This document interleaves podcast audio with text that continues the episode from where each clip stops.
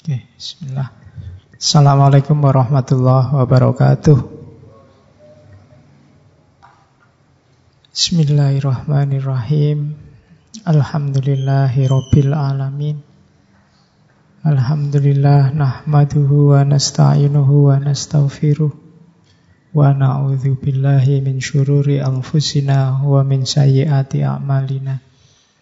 Allahumma salli wa sallim wa barik ala habibina wa syafi'ina sayyidina wa maulana Muhammadin wa ala alihi wa ashabihi wa ala kulli man ittaba'a huda ila yaumil qiyamah. Amma ba'du. Bismillah, mari kita lanjutkan ngaji kita. Kalau tentang bukunya MJS yang suluh kebahagiaan, saya tidak harus cerita banyak-banyak, belilah nanti di takmir aja. Ya, silahkan kalau ingin tahu isinya. Oke, jadi ya nanti akan ada banyak buku. Itu di antara ikhtiar kita untuk tetap istiqomah di jalur ilmu. Harus ada variasi-variasi biar tidak bosan. Karena penyakitnya ilmu itu bosan. Kayak kalian kuliah ngaji ini jangan-jangan lama-lama ya bosan.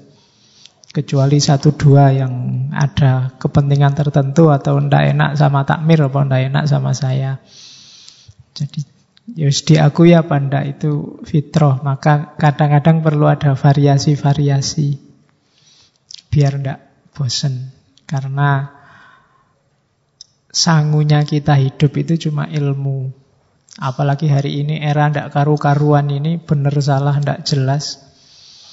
Satu-satunya jalan untuk menghadapi gempuran yang luar biasa dari luar itu adalah membuat diri kita tangguh. Dan jalan untuk tangguh hari ini itu satu-satunya cuma ilmu. Katanya Francis Bacon kan, knowledge is power. Katanya Nabi, man arodat dunya fa'alaihi bil ilm. Wa man arodal akhirah fa'alaihi bil ilm.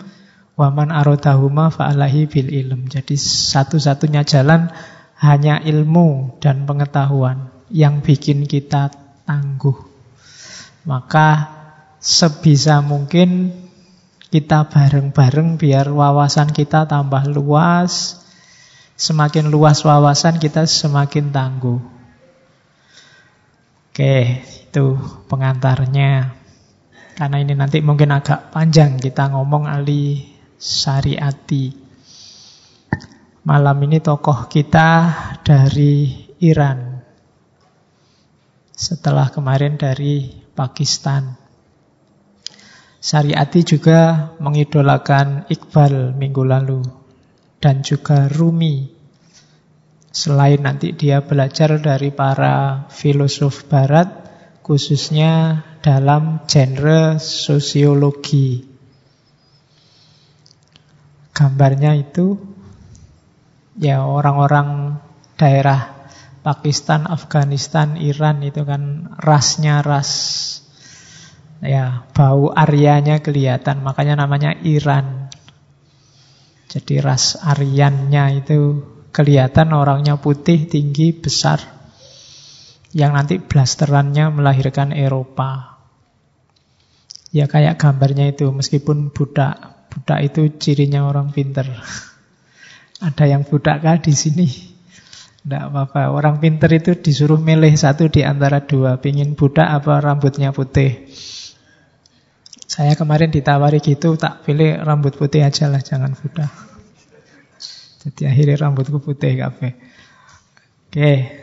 Uh, riwayat hidupnya yang jelas Ali Sariati lahirnya besok pagi 24 November. Ya. Kalau pakai kalender Komariah ini sudah 24 harusnya. Jadi dia lahirnya 24 November tahun 1933. Ya, ini saya nggak secara sengaja menaruh Alisariati di Rebu ini, tapi ternyata memang pas hari kelahirannya Alisariati itu. Sudah yang ngatur yang di atas itu. ya, ya posisi yang nggak diatur oleh yang di atas. Bajumu hari ini juga pakai apa ya sudah tertulis di Lauhil Mahfud. Jadi dia lahir kalau Iran daerah Khurasan. Kemudian Yo lahir dari bapak yang seorang aktivis sufi dan dia juga terdidik sejak kecil dalam jalur keilmuan. Ali Syariat ini dikenal sebagai ideolognya revolusi Iran. Revolusi Iran kita kenalnya tahun 79. Revolusi ketiga terbesar di dunia zaman itu setelah revolusi Perancis dan revolusi Bolshevik di Rusia. Yang ketiga revolusi Iran ini. Dahsyatnya revolusi Iran adalah tanpa pertempuran yang berdarah-darah. Berhasil menggulingkan kekuatan monarki Iran zaman itu Presidennya namanya Shah Reza Pahlavi. Dia ini diberontak oleh rakyatnya sendiri karena gayanya yang agak otoriter, sekuler. Ya mirip yang dituduhkan teman-teman beberapa kepada Jokowi hari ini. Gayanya itu dulu tapi tahun 70-an. Cuma monarki memang. Monarki itu kan ada kecenderungan untuk totaliter, otoriter, apalagi ini sekuler. Kemudian yang agak dahsyat adalah Syah Reza Pahlavi ini melakukan westernisasi besar-besaran. Jadi membaratkan Iran zaman itu. Dan nanti lahirlah orang-orang yang menginisiasi gerakan antara lain Ali Sariati ini. Dia keluar masuk penjara karena aktivitasnya. Setiap kali dia ngajar, di mana pun dia ngajar, pesertanya luar biasa mesti dan kalau ngomong dia menarik. Mungkin kalau Indonesia mungkin tandingannya Soekarno, sama-sama membangkitkan revolusi. Cuma Ali Sariati tidak sempat jadi presiden. Ya, karena dia meninggal duluan. Ali Syariati meninggal tahun 77. 77 dikurangi 33. Masih muda, 44. Ya lebih tua sedikit dari saya sekarang. 44 tahun meninggalnya di bagi banyak orang dia dibunuh ketahuan meninggal di apartemennya, ya yang bunuh mata-mata apa intelnya sah zaman itu namanya Safak. Ya nanti silakan dibaca sejarahnya. Jadi dialah yang menanamkan bibit-bibit revolusi di Iran. Sama kayak Iqbal kemarin yang menginisiasi lahirnya Pakistan. Ali Syariati ini dianggap yang membuka jalan sampai nanti tahun 79 lahirlah Republik Islam Iran. Cuma beliau meninggal duluan sebelum Irannya lahir. Sama kayak kemarin Iqbal. Sebelum Pakistan berdiri, Iqbal juga sudah tidak ada. Oke, jadi di antara kelebihannya Syariati itu Pikiran-pikirannya memang revolusioner. Salah satunya kita angkat malam ini Rausan Fikr. Ini bukan Rausan Fikr yang lembaga itu ya, atau penerbit itu juga bukan. Jadi memang istilah. Ada yang bilang Rausan Fikr itu kalau bahasa Arab ya kayak Ar-Rosikhuna fil ilm. Kan itu ada, saya lupa Al-Quran itu ayat berapa. Dan wala ya'lamu ta'wilahu illallah warrosihuna fil ilm. Jadi yang ngerti maksudnya Sesuatu itu tidak ada kecuali Allah warrosihuna fil ilm. Kalau pakai ayat ini harusnya kemarin waktu Nusron Wahid bilang hanya Allah yang tahu maksudnya, itu kalau disambungkan sama ayat itu sebenarnya hanya Allah dan ar-rosihuna fil ilm yang tahu maksudnya. Siapa ar-rosihuna fil ilm itu ya nanti kita lihat. Siapa yang masuk kategori rosihuna fil ilm. Ini orang yang tidak sekedar ilmuwan. Terjemahannya biasanya pakai, kalau di Indonesia di banyak buku dipakai istilah intelektual. Ya, saya tidak tahu dari akar kata apa intelektual itu, yang jelas dasarnya intelek. Kadang pakai istilah intelijensi. Cuma tidak ada kalau intelek kan ada intelektual, kalau intelijensi tidak ada intelijensual. Jadi adanya ya intelektual. Ada lagi kita istilah cendekiawan. Saya belum melacak cendekiawan itu akar katanya apa. Jangan-jangan akar katanya cendek. Jadi orangnya kecil-kecil cendekiawan. Oke, ya nanti kamu cari sendiri ya. Pokoknya jenis-jenis itulah yang namanya cendekiawan itu. Oke, kita lihat ya. Ini pikiran-pikirannya Syariati. Nanti ada cerita satu ketika ketika Syariati ngasih ceramah kayak gini ditangkap oleh polisi dan tidak cuma ahli syariatinya, semuanya sak jamaah-jamaahnya. Dan dihukum bareng-bareng selama 18 bulan. Satu tahun lebih. Jadi hati-hati ya kamu nanti kalau ada yang grebek Kalian juga katut itu Dan nanti setelah di penjara 18 bulan inilah nanti dia merasa Iran sudah tidak aman lagi Terus dia pindah ke Inggris. Nanti meninggalnya di Southampton, Inggris. Jadi tidak di Iran. Meskipun nanti dimakamkan di Damaskus, Syria. Ya enggak masih misterius cara membunuh ahli syariati oleh para intelijen itu seperti apa sampai hari ini. Jadi masih belum ketahuan. Tapi orangnya sudah tidak ada, tapi pikiran-pikirannya masih banyak dijadikan rujukan. Oke, bismillah kita mulai.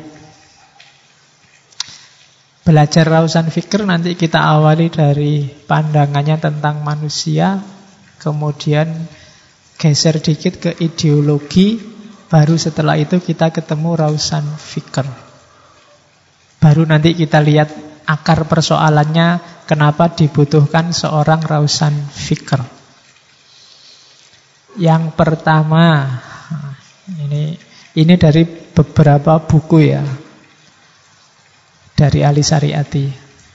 Cuma saya petakan sendiri. Tidak cocok ya tidak apa-apa kamu bikin petamu sendiri. Ya kan ilmuwan kan gitu, bikin main mapnya sendiri-sendiri. Yang pertama asumsinya tentang manusia. Katanya Syariati, manusia itu harus bergerak, tidak boleh diam. Dari being menjadi becoming. Allah menciptakan manusia itu untuk menjadi khalifah.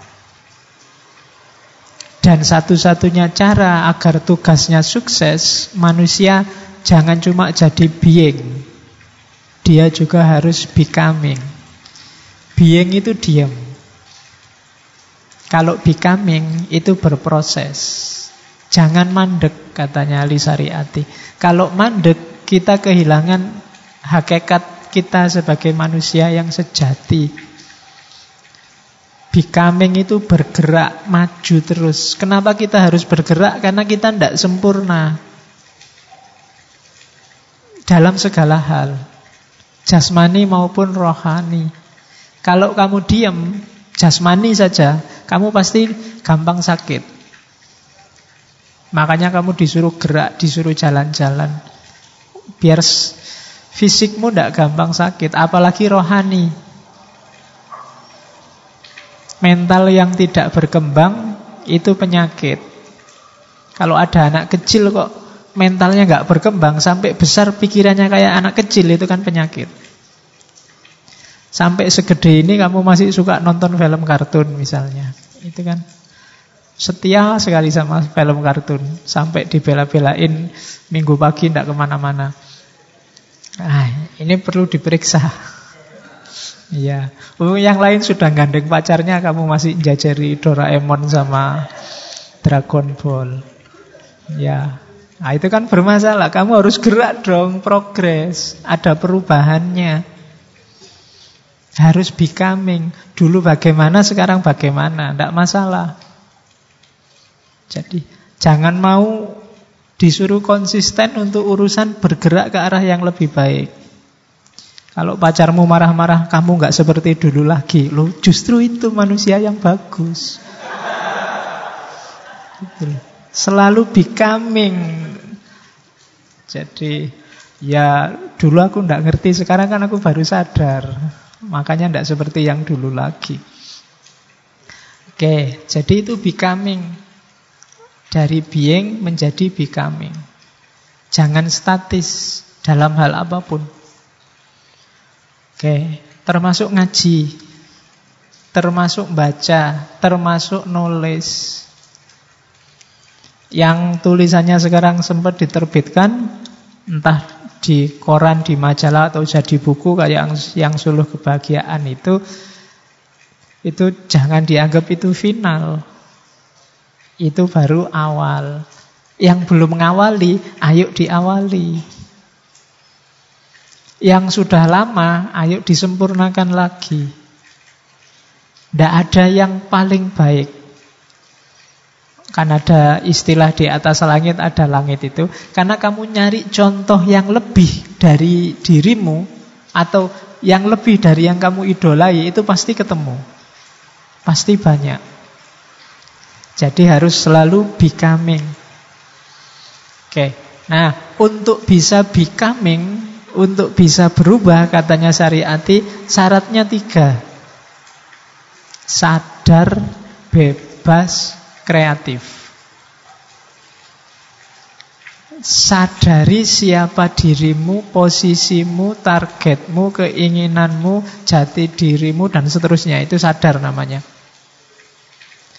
Kalau kamu nggak sadar sudah nggak bisa ngapa-ngapain. Orang yang nggak sadar itu nggak ngerti dia ngadep ke belakang, ngadep ke depan.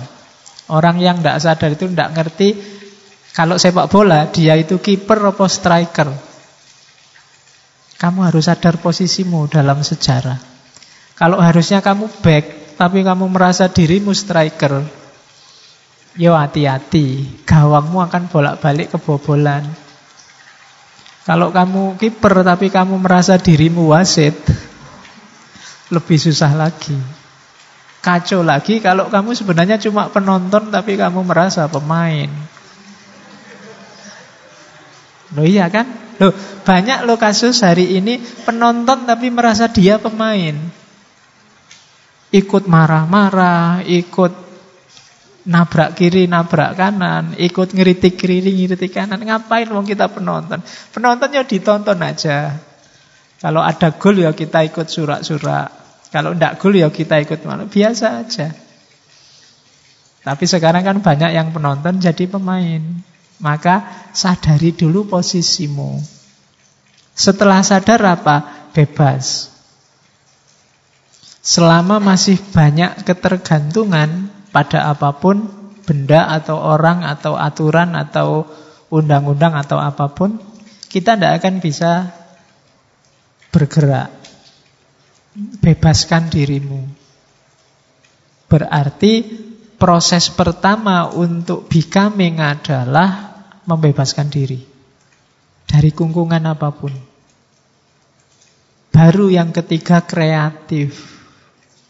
Kata-kata kreatif berarti ada yang baru Yang beda sama yang kemarin itu kreatif Bahasa agamanya bid'ah Jadi justru untuk becoming itu bid'ah lah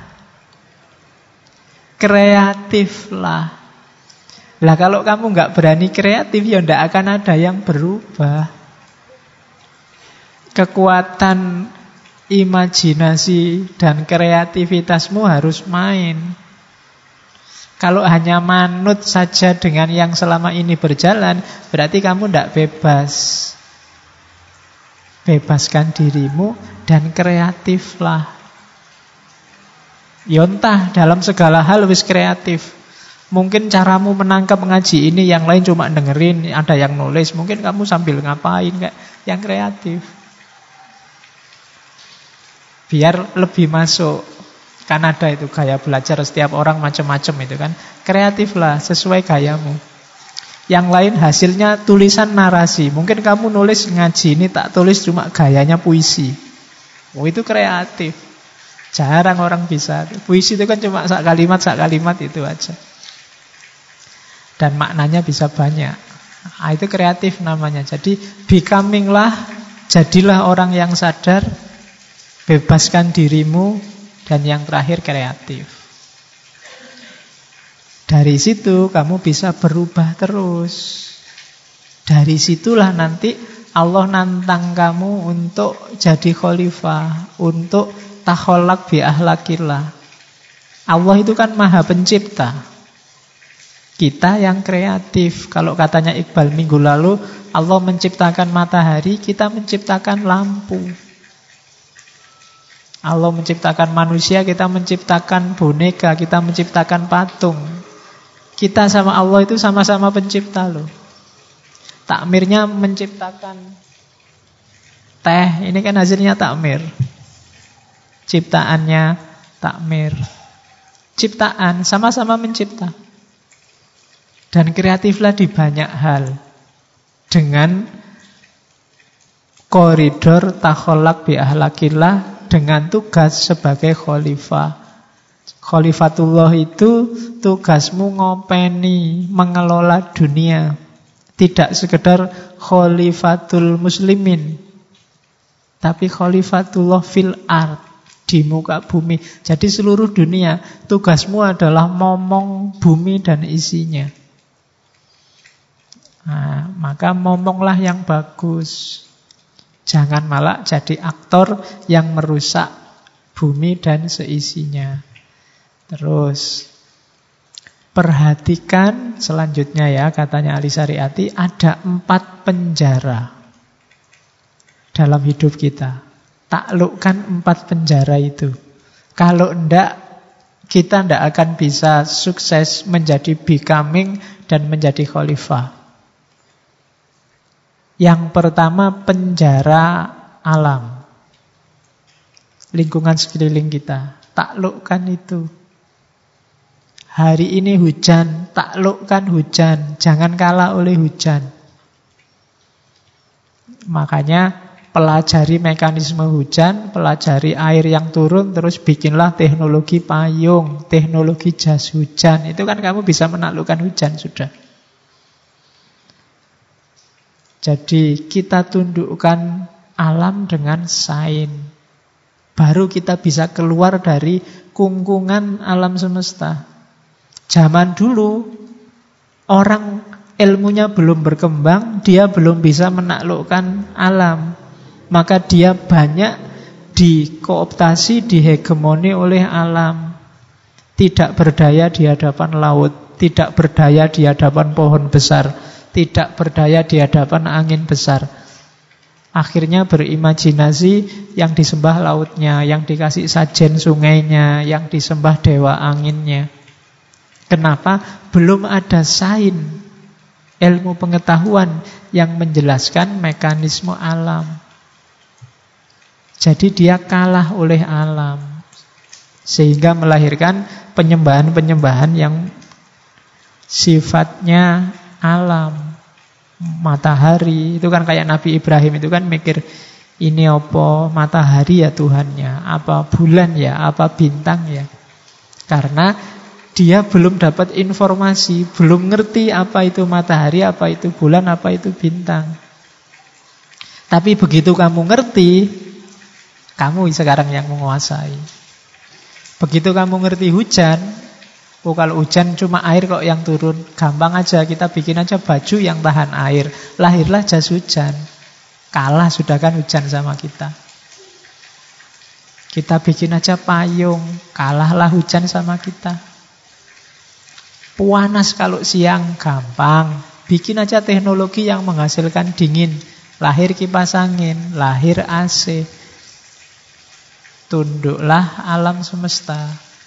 Jadi keluarlah dari kungkungan alam dengan cara apa? Sain. Yang kedua, penjara sejarah. Penjara sejarah ini dalam hidup ini ada sunatullah sunatullah. Kuasai itu. Kalau enggak ya kita akan kalah. Itu penjara kedua. Kalau ndak belajar, ya kamu ndak pinter. Kalau kamu nggak rajin, ya lulusnya lama. Itu sunatullah sudah. Loh, tapi kadang-kadang ada tuh Pak yang ndak belajar tapi lulusnya cepat. Oh, itu pengecualian, ndak bisa dipedomani. Sama dengan kamu loncat dari lantai 20 tapi tidak tewas. Itu pengecualian, jangan dipedomani. Ya mungkin kan kamu loncat dari lantai 20, pas loncat nanti di bawah itu ada ibu-ibu sedang mepe kasur jadi kamu oh jatuhnya di situ pas tidak tewas. Tapi kan itu pengecualian, nggak bisa dipedomani. Yang bisa dipedomani yang sunatullah. Kalau kamu tidak bisa membaca ini, kamu akan kalah oleh sejarah. Jadi Indonesia itu atau umat Islam itu kan hari ini kita minder sebagai Muslim ataupun sebagai orang Timur sebagai Indonesia. Kenapa? Ya karena kita kalah dalam hal menaklukkan alam dan menaklukkan sejarah. Kita tidak yakin dengan rumus kita sendiri. Kita punya loh rumus sunatullah bahwa kebersihan itu pangkal kesehatan. Kebersihan itu sebagian dari iman. Coba dilihat budaya bersih di kita sama di mereka. Jauh. Kalau kamu ke negara-negara tertentu kayak Jepang, bahkan Singapura itu susah nyari sampah berceceran. Kalau di kita susah nyari tempat bersih untuk duduk-duduk. Di mana-mana banyak Daun rontok lah, kertas berceceran lah. Bahkan di kampus pun juga begitu. Kampus itu di kursinya mahasiswa itu yang anu mesti terus tidak lama setelah dia bersih mesti ada tulisan macam-macam. I love you lah, salam buat itulah. Kalau tidak gitu mau ujian nyontek ditulis kecil-kecil di kursinya itu. Ya kan? Selalu begitu kita. Padahal secara sunnatullah kita sudah punya rumus tapi tidak jalan. Kita tidak bisa menaklukkan sejarah, tidak bisa menaklukkan alam. Ya susah kita becoming menuju yang lebih baik dan lebih sempurna. Terus penjara yang ketiga masyarakat. Hati-hati kadang-kadang masyarakat juga jadi penjara. Ada konvensi-konvensi yang merugikan perkembangan kita menuju ke yang lebih baik dan lebih sempurna.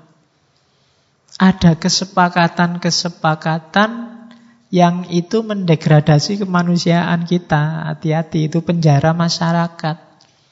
Tidak mesti suaranya orang banyak itu baik dan benar.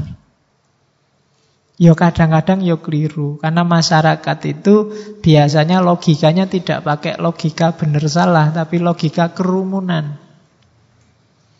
Logika kerumunan itu yaitu kayak teori psikologi sosial. Satu bilang A, yang lain ikut A semua. Gitu Apalagi yang ngomong A ini orang yang dipercaya. Otomatis semua bilang A nanti. Ini namanya logika kerumunan. Ya kayak kalian itu loh, kadang-kadang kalau ngumpul cowok sama cowok banyak, terus ada cewek lewat, itu berani sweet-sweet cewek gitu kan. Tapi begitu sendirian, ada cewek lewat, kamu gemeteran. Ngomong aja ndak berani. Nah itu logika kerumunan namanya. Kamu beraninya kalau rame-rame, sendiri-sendirian, diajak ngomong aja kamu deg-degan. Gemeteran, tidak berani. Nah ini jadi kerumunan itu sering jadi penjara kita. Kita jadi tidak otentik. Ya kayak demo itu kan, mahasiswa demo. Itu kan mesti ya kerumunan. Demo sendirian ya kamu dipanggil polisi. Pasti kan bareng-bareng. Waktu bareng-bareng kan militansimu bangkit, orasinya teriak-teriak macam-macam. Itu karena banyak temennya. Kalau kamu demo sendirian susah. Jadi masyarakat sering jadi penjara. Kadang masyarakat juga menyepakati hal yang keliru. Jadi urusan benar atau salah jangan mengandalkan jumlah. Hari ini kan banyak orang logikanya mayoritas dan minoritas. Tidak, itu bukan ukuran. Bahkan Nabi bilang, ada kan hadis ramalannya Nabi itu, besok di akhir zaman, umat Islam itu jumlahnya banyak. Tapi seperti buih di lautan. Jadi buih di lautan itu yo bareng-bareng ngumpul terus bubar. Bareng-bareng ngumpul terus bubar dan gampang dipermainkan. Nanti di akhir hadis itu ketika para sahabat tanya sebabnya apa kayak gitu ya Rasulullah antara lain adalah hubbud dunya wa karohiyatul maut. Suka dengan dunia, benci, takut dengan kematian. Karena jatuh cinta sama dunia, Khawatir dunianya dimiliki orang lain, khawatir dunianya dinikmati orang lain. Terus menyepakati hal-hal yang kontraproduktif dengan kebenaran. Itu yang bikin kita jadi seperti buih. Akhirnya yang bunyi kepentingannya sendiri-sendiri. Khawatir kehilangan dunia. Itu ramalannya Nabi. Semoga masih belum kejadian.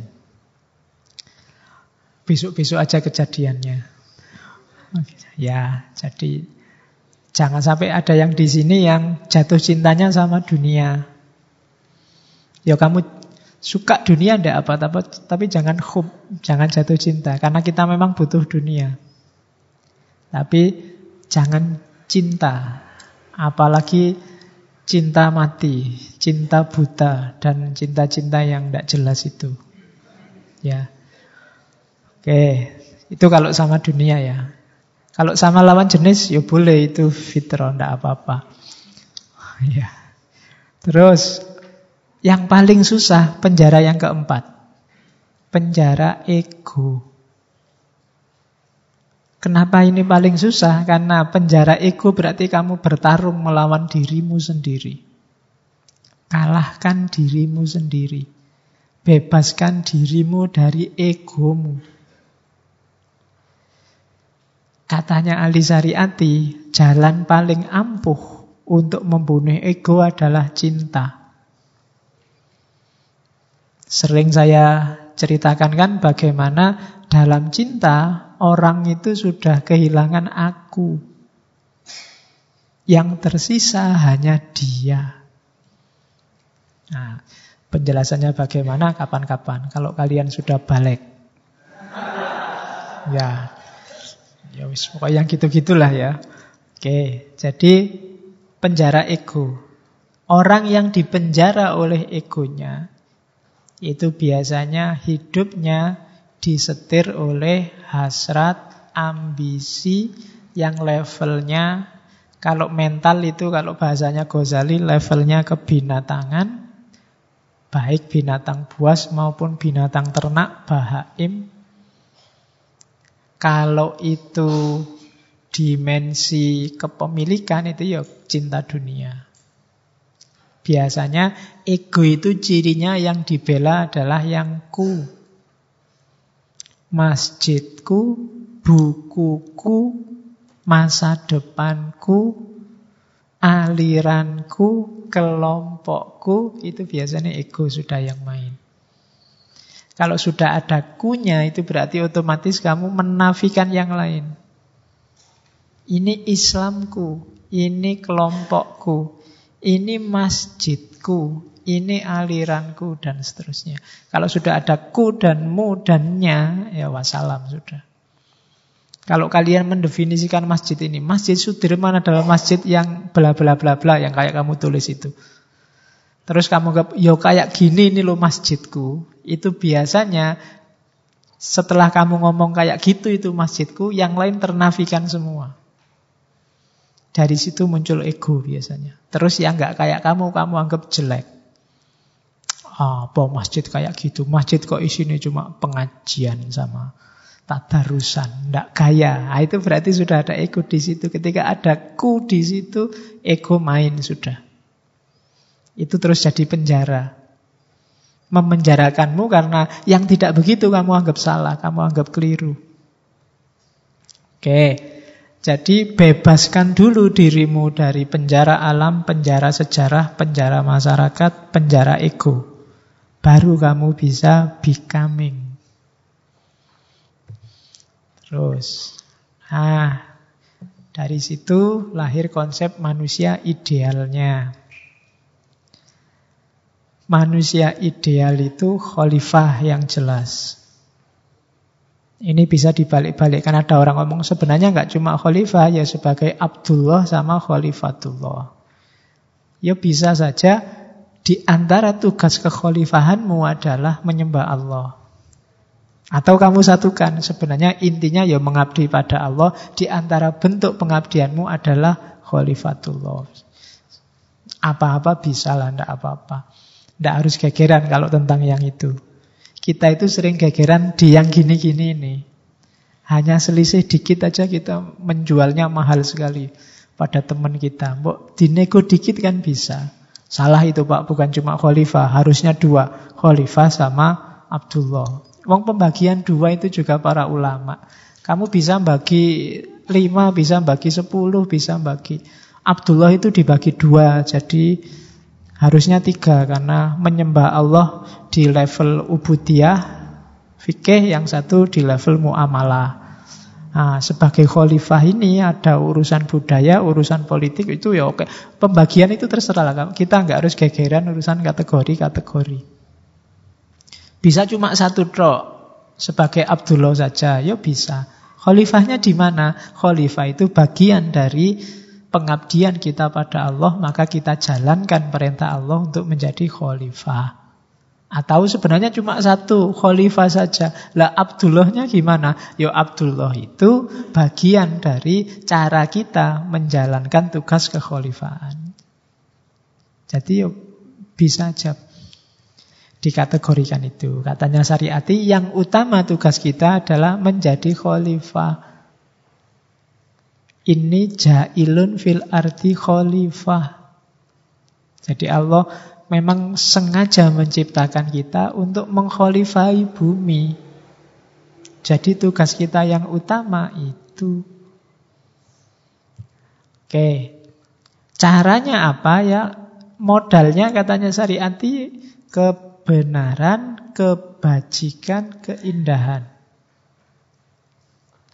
Logika, etika, estetika. Tiga-tiganya ini nilai. Kita butuh pengetahuan, kita butuh tata moral, etika, kita butuh seni. Kemudian untuk mewujudkan itu perlu modal mental tadi, kesadaran, kebebasan sama kreativitas. Jadi khalifah ini menata hidup, menata bumi sesuai dengan kebenaran, sesuai dengan kebajikan, dan sesuai dengan prinsip keindahan. Berarti kita kelola bumi ini dengan modal pengetahuan, etika, dan seni. Caranya ya modalnya kesadaran, kebebasan, dan kreativitas tadi. Di situlah manusia jadi ideal. Contohnya, katanya Syariati, contohnya adalah mix antara otak yang jernih dan hati yang lembut. antara kaisar yang gagah megang pedang dan Yesus yang pemaaf dan lembut. Mendekati Tuhan kayak Sokrates dengan pikiran atau kayak Al-Halaj dengan cinta. Menantang kezaliman kayak Spartacus, ini kalimatnya Ali Sariati ya, bukan dari saya. Atau kayak Abu Dhar. Ya, Abu Dhar ini salah satu tokoh idola kalau di Iran dalam tradisi Syiah. Abu Dhar Al-Ghifari, seorang sahabat Nabi, termasuk ahlu sufah, hidupnya di masjid meskipun bukan takmir. Yo. Iyalah. Jadi Al-Ghifari. Ghifari ini suku yang awalnya dari kelompok penyamun, perampok. Tapi Abu Zar Al-Ghifari ini nyempal, kemudian masuk Islam, menemui Nabi. Abu Zar ini dikenal orang yang tidak takut mengkritik kezoliman. Jadi nanti satu ketika dia diramal oleh Nabi Abu Dhar. Kamu ini nanti kamu masuk lahir sendiri, masuk Islam sendiri karena dia jalan kaki sendirian menemui Nabi masuk Islam dan nanti kamu akan meninggal sendirian. Karena nanti Abu Zar ini diasingkan di zamannya Utsman karena dia cerewet sama pemerintah. Ngeritik terus. Dia zaman Utsman dia ngeritik Muawiyah yang saat itu jadi gubernur waktu Muawiyah bangun istana. Diingatkan oleh Abu Zar, "Eh Muawiyah, kamu bangun istana ini kalau pakai uangnya negara, maka kamu mengkhianati rakyat." Uangnya rakyat, kamu pakai membangun istana, kan kamu nanti yang menikmati istananya. Kalau kamu pakai uangmu sendiri, maka kamu sedang boros. Loh ya. Jadi israf dalam Islam tidak boleh buang-buang duit tidak penting. Hmm, jadi maju mundur pokoknya salah Muawiyah. Ya. Maksudnya Abu Zar, mbok sudah nggak usah capek. Wong banyak urusan penting, tak mikiri bangun istana. tak mikiri bangun lagi gedung DPR, wong wis apik. Jadi itu Abu Dhar. Nanti ya resikonya dia diasingkan. Sampai meninggal. Jadi dia meninggal sendirian, masuk Islam juga sendirian. Oke, jadi itu salah satu contoh manusia ideal. Dan ya yang terakhir itu ada kalimat manusia ideal adalah manusia yang filosofis tapi tidak melangit. Tidak mikirin jelimet dok tidak mengawang-awang, tapi ada kontribusi realnya ke masyarakat. Berpikir yang dampaknya masyarakat semakin baik, manusia semakin benar, semakin bajik, semakin indah dunia ini. Tidak serta-merta pamer logika, tidak serta-merta cerita metafisika yang bulat. Jadi yang didahulukan pikiran-pikiran yang transformatif. Yang dampaknya adalah perubahan sosial ke arah yang lebih baik. Jangan salah, ahli syariati termasuk gaya berpikir yang cenderung maksian. Dia tidak suka dengan pikiran-pikiran yang semata-mata metafisik. Pikiran yang membahas yang tidak ada dampak realnya. Diskusi mati-matian apakah Al-Quran itu makhluk atau bukan makhluk. Sampai bunuh-bunuhan. Itu bagi ahli syariati ngapain? Gegeran kalau kita kirim fatihah itu nyampe apa enggak. Oh itu debat lama ngapain? Mbok sudah nyampe nggak nyampe urusan yang sana. Kalau nggak nyampe ya wis ben wis. Kalau nyampe ya alhamdulillah kan gitu aja. Kita kan debat gegeran gara-gara itu. Diskusi, diskusi kita tentang agama sering yang semacam itu. Tidak berdampak real ke masyarakat. Sehingga lahir seolah-olah ilmuwan ini ada di men, bahasa kita dulu di menara gading sementara orang biasa ini ada di bawah-bawah. Kita kayak orang elit yang nggak nyambung sama masyarakat. Itu yang dikeluhkan oleh Ali Syariati. Manusia kayak gini ndak, ya mungkin pinter tapi dia tidak ideal. Oke. Dari situ karena segala sesuatu termasuk ilmu butuh kekuatan transformatif, maka keywordnya peradaban dan manusia itu ada pada ideologi. Jangan salah katanya syariati, dunia ini kuncinya tidak pada kedokteran, sastra, teknik, sosiologi, psikologi, tidak. Katanya Ali Syariati, kuncinya itu pada ideologi. Nanti teorinya panjang dia tentang ideologi, makanya dia disebut ideolog. Jadi bangsa itu kuncinya ada pada ideologi. Berdasarkan ideologi itulah masyarakat hidup dan mengkonstruksi dirinya. Ilmu dan lain-lain itu justru lahir dengan dasar ideologi ini. Tidak sebaliknya. Katanya Syariati, coba ya, kalau saya ngomong Cina, itu kan yang terbayang bukan ahli fisikanya, yang terbayang bukan apanya, tapi yang terbayang kan kalau ngomong Cina itu ya Lausu sama Konfusius. Kalau ngomong India ya yang terbayang Weda, Upanishad. Kalau ngomong Jawa ya dengan kejawennya. Kalau ngomong Persia malah bukan Islamnya tapi Zoroasternya. Karena dengan karakter-karakter itulah ideologi masyarakatnya dibangun. Dari situ nanti baru lahir sains, baru lahir pengetahuan, baru lahir sastra, baru lahir teknologi dan macam-macam. Cina misalnya dengan Lausu, dengan Konfusiusnya, dengan cerita-cerita kayangannya, itu kan orang mengembangkan sains. Membayangkan ada dewa-dewa, membayangkan ada istana langit. Sastra berkembang dari situ dan seterusnya. Jawa dengan sistem kebatinannya, dengan Nyai Roro Kidulnya, dengan danyang-danyangnya, dengan kan masyarakat mengkonstitusi diri dengan ini. Itulah nanti yang membedakan karakter setiap masyarakat dan dari situlah nanti lahir namanya kebudayaan.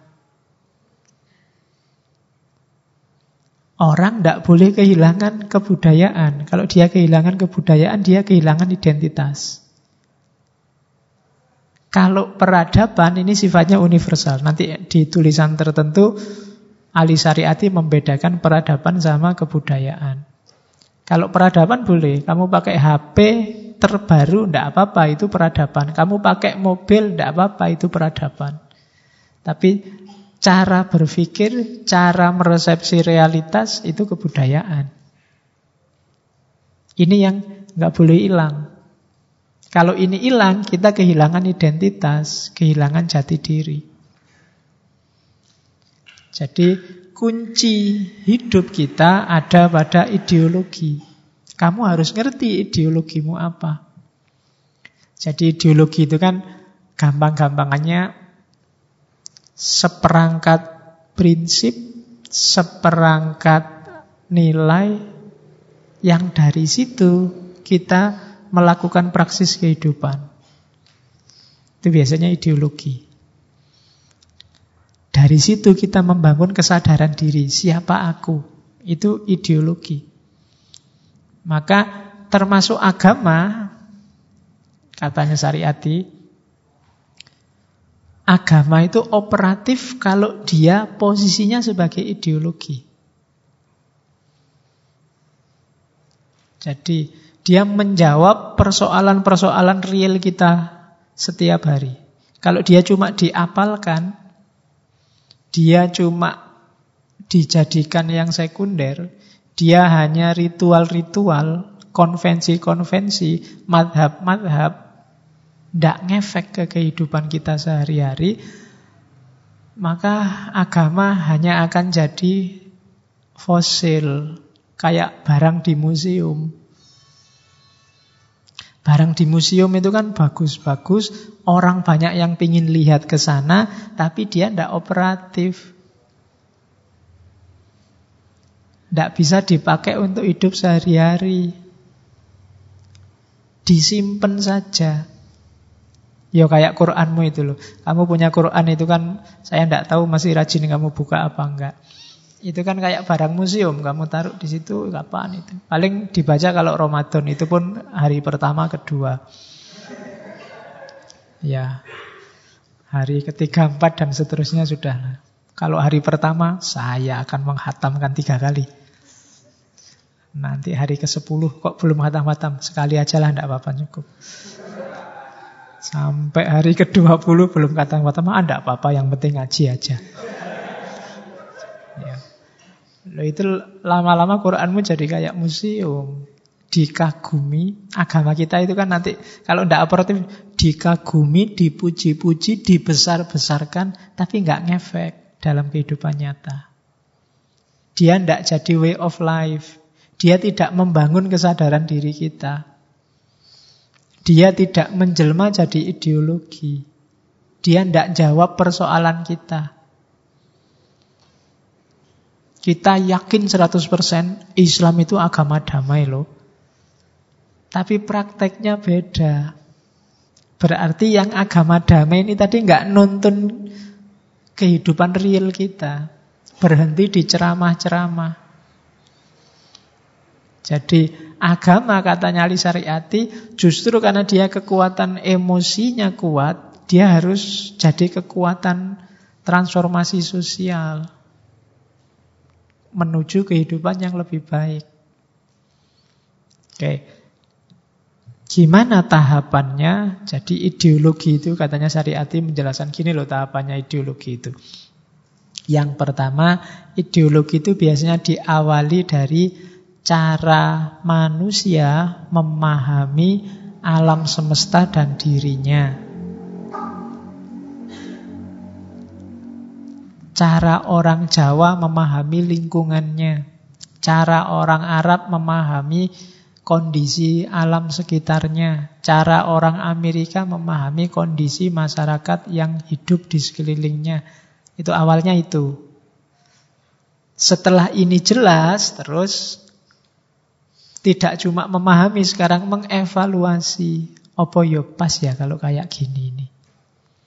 Apa ya cocok ya kalau kayak gini ini? Apa ya masih relevan ya kita pakai Undang-Undang 45? Apa ya sesuai nanti seandainya kita ganti syariah saja?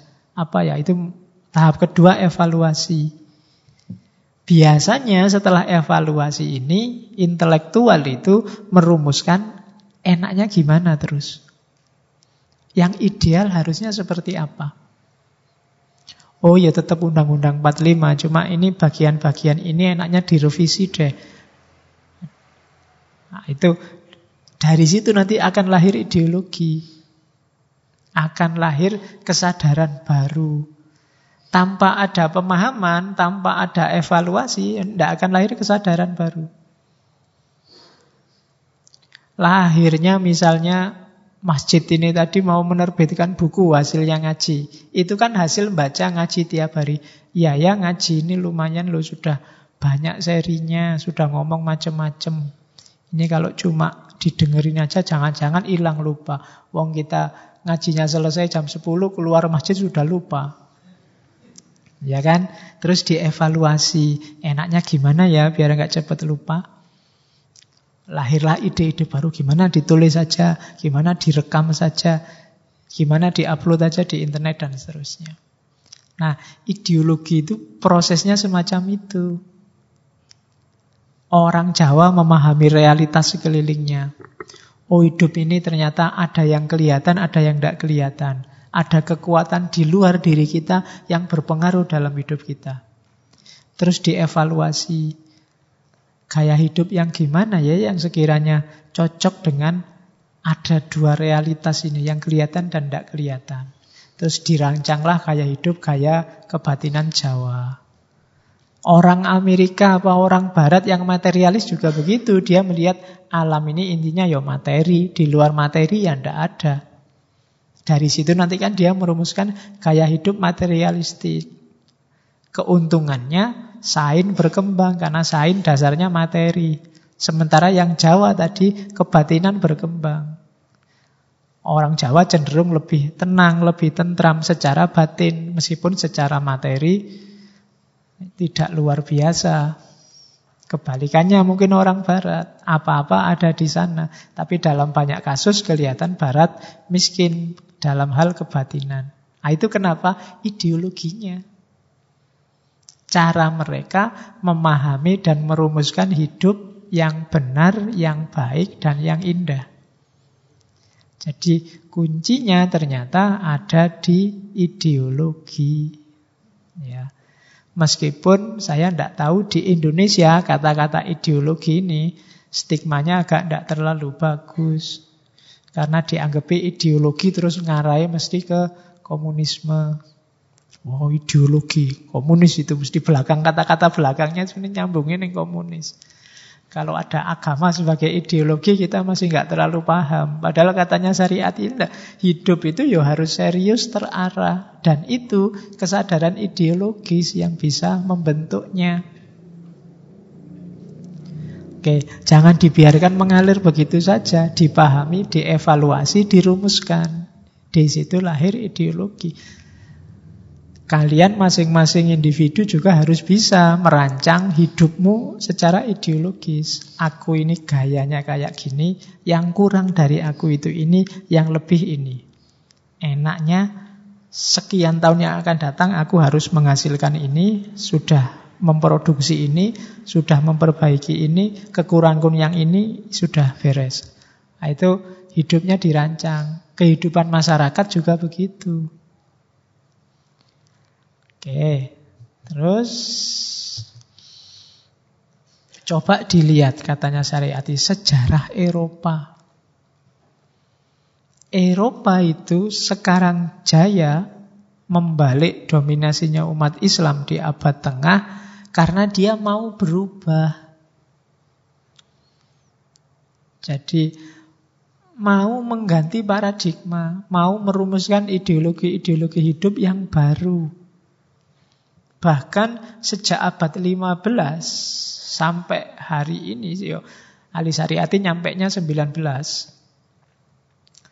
dalam tulisannya karena mungkin dia nggak nyampe 21 wong umurnya cuma sampai tahun ya 77.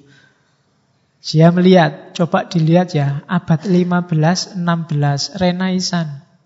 Itu ketika Barat pertama kali menggeliat, kayak orang bangun tidur. Itu kan yang diserang pertama apa? Ortodoksi agama, ortodoksi gereja. Waduh, kok kita ini nggak maju-maju ya? Eh ternyata penyakitnya di situ. Kita selama ini terlalu dikungkung oleh gereja. Logika ini nanti melahirkan renaisan, kebangkitan pertama barat pencerahan besar-besaran.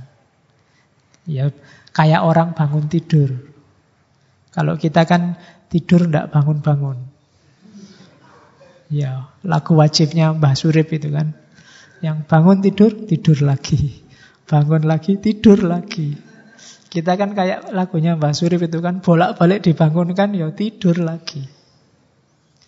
Kalau dibilangi kayak gini, oh iya ya kita selama ini tidur. Tapi terus yo tidur lagi.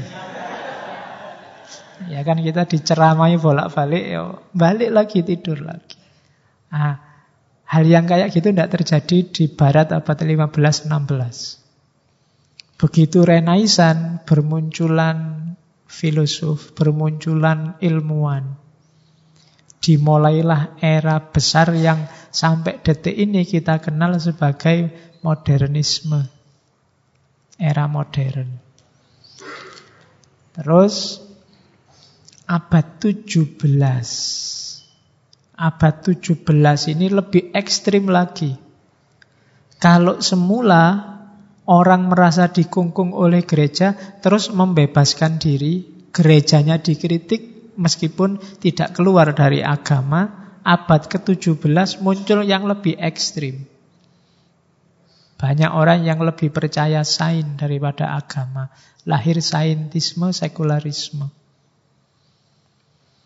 Sains semakin, semakin merajalela. Abad 17. Itu kan ganti paradigma. Abad 18 ganti lagi. Fokusnya sekarang bukan perkembangan sains tapi nation. Revolusi, kemerdekaan politik. Jargonnya demokrasi, kebebasan, kemanusiaan. Itu abad 18. Nah ini kan geser. Dari tadi saintisme sekarang masuk ke wilayah politik, sosial, budaya. Dan abad 19 itu yang oleh ahli syariat disebut abad ideologi. Karena tadi progresnya runtut, pergantian-pergantian ideologi itu ya sekarang matenglah ideologi barat itu di abad 19 dan kuat. Susah kamu meruntuhkan dominasi barat karena mereka evolusinya runtut bareng individu maupun sosial maupun politik maupun sainsnya. Ya kelemahannya cuma satu, di situ tak sebut anomali karena kemarin terlalu fokus pada yang materi-materi, yang eksak-eksak, akhirnya yang spiritual agak ketinggalan. Itu yang hari ini melahirkan beberapa anomali di barat. Kebalikannya dunia timur. Dunia timur sejak dulu sampai sekarang ideologinya belum ganti masih spiritualitas, kebatinan. Sampai hari ini itu kan dan itu memang fitrahmu. Kalian kan lebih enjoy kalau diajari sufi-sufi, diceritani wali-wali itu kamu kan lebih seneng. Daripada tak omongi fisika, matematika, Archimedes. Kamu sudah trauma luar biasa sudah kalau ada itu kan. Iya. Tapi kalau tak ganti dongeng-dongeng, wali-wali, kamu seneng. Ya memang itu jiwa kita itu. Cuma kita tidak pernah evaluasi ke dalam. Itu yang bikin kita tidak merancang. Iyalah jati diri kita itu dengan jati diri semacam itu. Apa yang kurang, apa yang lebih. Terus berarti apa yang harus kita lakukan biar kita maju. Tetap dengan basis identitas kita sendiri. Nanti dalam analisisnya Ali Syariati, kesalahan banyak timur selama ini adalah ketika sadar bahwa dia ketinggalan, dia banting setir membuang identitas timurnya. Itu yang nanti jadi sumber masalah. Akhirnya apa? Ya kamu jadi subordinat. Kamu jadi follower. Orang barat gak mau kamu suruh follow back. Ya, yang biasa Twitter kan gitu. Biasanya kamu tak follow tapi follow back aku ya. Nah, barat gak mau. Kamu butuh ya follow aku. Aku tidak butuh dirimu. Itu yang terjadi hari ini. Banyak orang yang banting setir, kehilangan identitas dirinya. Ya kalau di Indonesia hari ini malah bukan cuma banting setir ke barat, ada yang banting setir ke timur tengah. Ada yang banting setir, jadi kehilangan identitasnya sendiri. Oke. Nah, maka untuk menggerakkan, membangunkan tadi, kita butuh intelektual. Ya nanti ada beberapa definisi. Julian Benda. Intelektual itu adalah pejuang kebenaran dan kebaikan. Tekun dalam bidangnya tidak ditunggangi ambisi materi atau kepentingan sesaat berani keluar dari sarangnya untuk memprotes ketidakadilan dan seterusnya. Jadi intinya intelek itu bukan yang cuma mikir, yang cuma bikin seminar-seminar di mana-mana. Anak saya yang kecil itu tanya karena aku bolak-balik seminar. Apa sih kok seminar yang banyak bolak-balik itu gunanya apa sih? Susah aku. Jawabnya susah. Ya ben pinter, pinter kan belajar aja. Ngapain kok seminar? Ya tak pikir-pikir ya ngapain aku bolak-balik seminar itu. iya kan? Duh, kamu coba neng kampus-kampus itu. Coba di papan-papan pengumuman itu berapa puluh seminar dalam seminggu. Hasilnya apa? Ya paling entek ke duit proyek. Ya kan? Jadi kebanyakan begitu. Dan ya berarti kita bukan intelektual yang sejati. Katanya Julian Benda, sosok ideal intelektual itu kombinasi antara Socrates sama Yesus. Apa ya? Dua orang yang sama-sama tidak terjangkau oleh kita. Yesus itu perasaannya, kelembutannya, Socrates itu kecerdasannya. Kalau kita kan cerdas juga ndak, lembut juga ndak. Ya, wis kuasar, ndak pinter lagi. Oke. Regis Dibray, katanya Regis Dibray, coba dilihat ya, intelektual itu ada pergeseran makna. Tahun 900 sampai 1930 yang disebut intelektual itu guru. Mungkin sampai hari ini di desa-desa itu uang pinter itu ya guru. Kalau ada guru otomatis dianggap uang pinter. Kalau kamu dipanggil Pak Guru itu sudah mulia kalau di desa. Dan harus bisa macam-macam. Tidak cuma pelajarannya. Kamu nggak bisa, Mas, mbok tolong ini sampean kan guru. Harus bisa tentang apa saja. Kamu nggak bisa jawab, loh saya kan cuma guru PKN, apa ya bisa ngurusin enggak. Saya pernah zaman di kampung awal-awal baru kuliah S2 lagi main di tetangga lampunya konslet. Iya. Anaknya ndak ada lagi keluar yang besar tuh.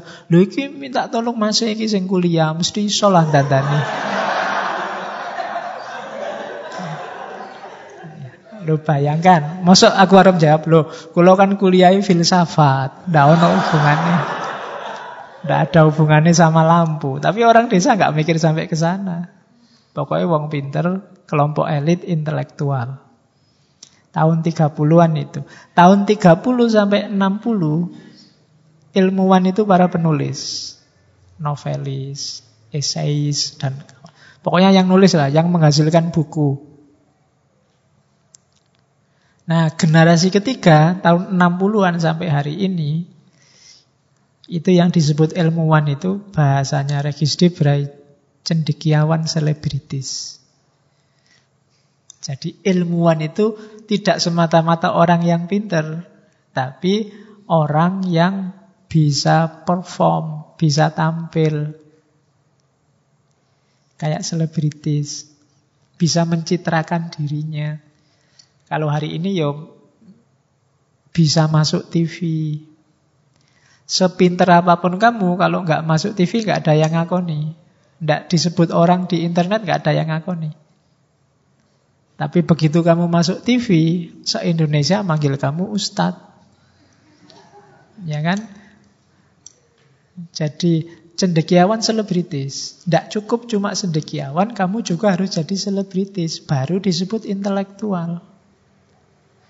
Kamu pinter, tapi nggak pernah nulis, di koran ndak ada, di TV ndak ada, dia wassalam. Jadi kamu di Facebook aja ya paling temenmu cuma berapa, itu ndak bisa sudah jadi selebritis. Harus selebritis dulu baru diakui jadi cendekiawan. Harus temenmu banyak dulu, terus begitu kamu ngomong semua ngasih jempol. Baru kamu sah jadi cendekiawan. Kalau enggak, kamu belum diakui hari ini sebagai cendekiawan, sebagai intelektual. Kalau kamu nggak pernah tampil sama sekali, enggak ada orang ngakui. Itu hari ini. Jadi kalau dulu itu guru, kemudian penulis, sastrawan, seniman, terus terakhir cendekiawan selebritis. Sealim-alimnya kiaimu di pedesaan tetap dianggap bukan intelektual dibandingkan Ustadz Maulana, Mama Dede, sebenarnya yang di TV-TV itu. Itu mereka kan sudah kondang sebagai ulama, Ustadz Arifin Ilham. Sebenarnya yang di TV-TV itu kan banyak itu. Nah, mereka bisa ulama selebritis. Jadi ya ulama keilmuannya, tapi dia bisa tampil. Meskipun kalau dalam kalimatnya Regis Dibray ya kuncinya ada di pesona dan sensasinya dan ingin terkenalnya. Bahkan kadang-kadang mengabaikan standar keilmuan dan kejujurannya. Kalau ingin tiap hari masuk TV, yang ngomonglah yang tidak menyinggung atau menjatuhkan ideologinya TV. Ngomonglah yang jangan sampai dibredel oleh KPI. Ngomonglah yang jangan sampai dituduh penistaan. Lo itu selebriti. Karena begitu kamu tidak tampil lagi, yo statusmu sebagai intelektual dipertanyakan hari ini. Kalau nggak percaya, kalau kamu pulang kampung, terus ditanya, sekarang kamu jadi apa? Le? Wah, tadi ilmuwan bah, apa jadi intelektual bah. Mesti nanti pertanyaannya, kok nggak pernah muncul di TV? Mesti itu. Meskipun kamu masih culun, tapi kok keluar di TV, teleponan bapakmu, Pak, aku masuk TV. Itu seneng bapakmu mesti. Mesti orang sak kampung nungguin kamu waktu mau tampil di TV. Meskipun tampilnya sekilas. Ya. Ya, sedelot dok. Itu pun di berita, terus beritanya demo yang memacetkan jalan. Yang penting kan di syuting. Oke. Jadi intelektual itu. Kalau katanya Gramsci, ya intelektual itu ada dua jenis. Ada intelektual tradisional, ada intelektual organik. Ini untuk mengantarkan pada Rosan Fikir, biar nanti lebih lebih jelas. Kalau intelektual tradisional itu ya guru, dosen, birokrat, Pokoknya yang institusional-institusional itu. Ulama yang di MUI, intelektual tradisional. Sedangkan yang kedua namanya intelektual organik. Intelektual organik itu dia tidak masuk kotak-kotak standarisasi intelek. Dia yang selalu becoming. Cuma becomingnya dia dalam rangka pemberdayaan masyarakat, bukan intelektual. Dulu ada istilah intelektual tukang. Intelektual tukang itu dia ngomong apa tergantung siapa yang bayar. Dia nulis apa tergantung untuk lembaga apa, tergantung funding apa yang bayarin. Kalau fundingnya pas garis keras, ya dia ngomongnya pro garis keras. Nanti kalau fundingnya pro yang liberal ngomongnya ya liberal-liberal. Kalau mau diundang ceramah, di sini alirannya apa ya? Terus dicocokkan sama aliran di situ. Itu namanya intelektual tukang. Jadi ya kerjaannya kayak tukang. Dia tidak memainkan fungsi transformatif. Nanti kapan-kapan kita bahas aliran intelektual tukang ini di salah satu aliran filsafat Yunani namanya sofisme. Kapan-kapan. Kalau pas saya sadar. Nanti ya. Oke, jadi ada dua jenis. Nah, nanti ahli syariati dengan rausan fikirnya yang dimaksud ya intelektual organik ini. Yang khas, bukan yang masuk dalam kotak-kotak tradisi. Oke. Yang jelas bedakan sarjana, ilmuwan, intelektual. Ini kalian mesti bisa baca sendirilah. Sarjana belum mesti ilmuwan. Sarjana dan ilmuwan belum mesti intelektual. Kalau sarjana itu urusannya gelar. Ilmuwan itu urusannya penelitian, temuan. Tapi kalau intelektual, dia ada kontribusi praktisnya pada masyarakat. Itu intelektual. Sarjana bisa sekaligus intelektual, ilmuwan bisa sekaligus intelektual. Tapi tidak semua sarjana intelektual. Apalagi yang lulusnya lama dan terpaksa. Ya, dosennya sudah bosen bolak-balik ketemu lagi di kelas, ketemu lagi di kelas. Wis wis nang lulus piye carane. Nah, itu ilmuwan juga begitu. Banyak ilmuwan yang tidak transformatif. Penelitiannya hanya untuk melayani yang pesen. Hanya yang pas ada bayarannya. Tidak memperhatikan kontribusi realnya. Kalau intelektual, dia melihat kontribusinya ke masyarakat. Oke, dari situ terus baru kita ketemu Rausan Fikr. Jadi Rausan Fikr itu tadi di awal saya bilang ar-rasihuna fil ilm di definisi letter lucknya pemikir yang tercerahkan.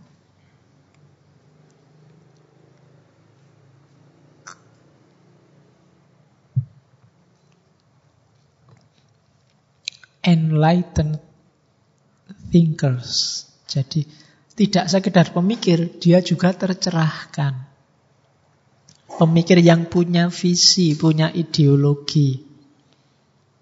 Dan ini ilmuwan yang plus. Kalau ilmuwan itu hanya menemukan kenyataan.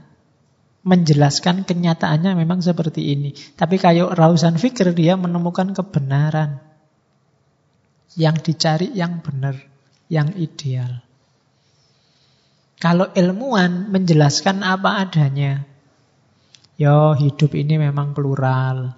Yo masyarakat itu memang dinamis, macam-macam. Itu ilmuwan, menjelaskan apa adanya. Tapi kalau rausan fikir ya tidak cuma menjelaskan. Terus mau ngapain kalau hidup ini plural? Apa yang harus kita lakukan kalau masyarakat ini berubah? Nah, itu rausan fikir. Tidak berhenti di teori. Kalau cuma berhenti di teori, di konsep, itu ilmuwan. Ilmuwan itu kan kadang-kadang coba dihitung. Huruf alif di Al-Quran itu jumlahnya sekian ribu. Huruf baknya sekian ribu. Nah, itu ilmuwan. Terus kalau kamu tanya, lah terus ngapain kalau jumlah alifnya seribu? Kalau huruf baknya dua puluh ribu terus gimana? Efeknya apa? Yang harus kita lakukan apa? Nah, itu rausan fikir. Kan sering yang gitu-gitu kan. Dioda adik kado itu. Empat sebelas itu kalau dirangkai kayak bunyi Allah. Wah kan gitu terusan. Lah ya terus ngapain? Lah ya kan? Loh, Rausan fikir kelanjutannya ke situ. Lah terus ngopo kalau bunyinya Allah? Kan kita banyak pikiran kita, gagasan kita, ide kita yang sia-sia. Karena kamu nggak tanya Selanjutnya bagaimana? Iyalah seandainya itu benar. Terus apa yang ideal yang harus kita lakukan dalam rangka kebenaranmu itu tadi? Nah, itu namanya rausan fikr. Tidak berhenti di fakta, tidak berhenti di kenyataan. Tidak berhenti di apa adanya begitu. Oke, ya kayak Masjid Jenderal Sudirman ini dikonsepkan sebagai masjid yang plural misalnya. Nah terus ngapain? Kalau sudah plural. Ya kan? Lo itu pertanyaan ini bisa menjengkelkan sekali lo. Ya kan? Ahok itu kafir. Kalau Ahok kafir terus mau apa? Ya kan? Mau dibunuh saja, mau di kan harus jelas terusan. Klaimmu itu apa? Tahlil itu bid'ah, misalnya. Terus mau ngapain? Kalau sudah bid'ah, mau dibubarkan, mau difatwa haram, apa diajak perang, apa yang tahlil terus dipukuli, apa yang kan harus jelas. Ya, jadi tidak berhenti di konsep, tidak berhenti di dalil. Barang siapa membaca Fatihah untuk mayit, Fatihahnya nggak nyampe. Lah terus ngapain kalau nggak nyampe? Apa terus kembali ke alamat? Apa terus kan harus jelas kelanjutannya apa? Kita sering mandek tengah-tengah, tidak jelas. Sehingga apa? Akhirnya cuma gegeran. Kepala aja yang panas. Nggak ada gerakannya. Selama ini kan isinya debat, debat, menang-menangan dalam konsep. Itu. Ah, itu yang dikritik syariati. Kita butuh rausan fikir. Rausan fikir itu cirinya tiga. Sadar akan kondisi masyarakatnya, human conditionnya, sadar akan setting historis kehidupan. Setting historis itu masyarakat dipahami secara global. Kemudian masyarakatnya sendiri seperti apa. Dan terus dia ikut merasa bertanggung jawab untuk melakukan perbaikan. Itu rausan fikir. Caranya melakukan perbaikan gimana? Tidak dengan diprovokasi, tapi diberdayakan, dipinterkan, dibangunkan masyarakat itu. Kalau hanya digiring sebelum mereka bangun, pada saatnya mereka akan meninggalkan kita. Seandainya ada yang giring yang lain yang menurut mereka lebih qualified. Kalau kita giring mereka sebelum mereka bangun misalnya dengan bayaran 50 ribu. Nanti kalau ada yang bayari 200 ribu, mereka akan meninggalkan kita. Maka menggerakkan masyarakat itu satu-satunya jalan adalah biarkan mereka sendiri yang sadar dan milih untuk bergerak. Itu strateginya Rausan Fikr. Ideologisasi namanya. Bangunlah ideologi untuk masyarakat. Biarkan mereka bangun dan sadar bahwa mereka harus merubah nasib. Jangan dimobilisasi tiba-tiba. Kenapa kok ikut-ikutan? Ya karena diperintah Ustadz A, Ustadz B. Dia sendiri nggak paham, nggak tahu ya. Pokoknya Ustadznya bilang gitu ya. Nanti kalau ada Ustadz yang lain yang lebih levelnya lebih tinggi, ya yang diikuti yang itu. Sebelum mereka sendiri sadar. Jadi Rausan Fikir ini memiliki tanggung jawab sosial dan strateginya bukan mobilisasi massa, tapi membangun kesadaran diri masyarakat. Maka meskipun Ali Syariat tidak ada, sudah meninggal, tapi karena dia berhasil membangunkan masyarakat Iran, ya berlanjut perjuangannya. Tidak mandek dengan mandeknya tokohnya. Oke. Nah, ini yang dilakukan oleh seorang Rausan Fikr. Yang pertama, menentukan sebab-sebab keterbelakangan masyarakat dan sebab kemandekan dan kebobrokan rakyat. Masyarakat maksudnya. Jadi rausan fikir itu dia bisa membaca fenomena, menganalisis ini masyarakatku ini akar permasalahannya di mana. Masyarakatku ini sakit mata, apa sakit telinga, apa sakit hidungnya, pilek, apa sakit hatinya. Kalau sudah jelas penyakitnya, kan nyari obatnya tepat. Kalau masyarakatnya sakit telinga, ya cari obat telinga. Kalau masyarakatnya sakit mata, cari obat mata. Biar tidak keliru. Hari ini banyak orang yang ngasih obat sakar PDW. Masyarakatnya sakit telinga, dikasih obat mata. Mata tidak kena apa-apa, diucek-ucek pakai obat tetes mata. Akhirnya telinganya nggak sembuh, matanya ikut sakit. Kan itu yang terjadi hari ini.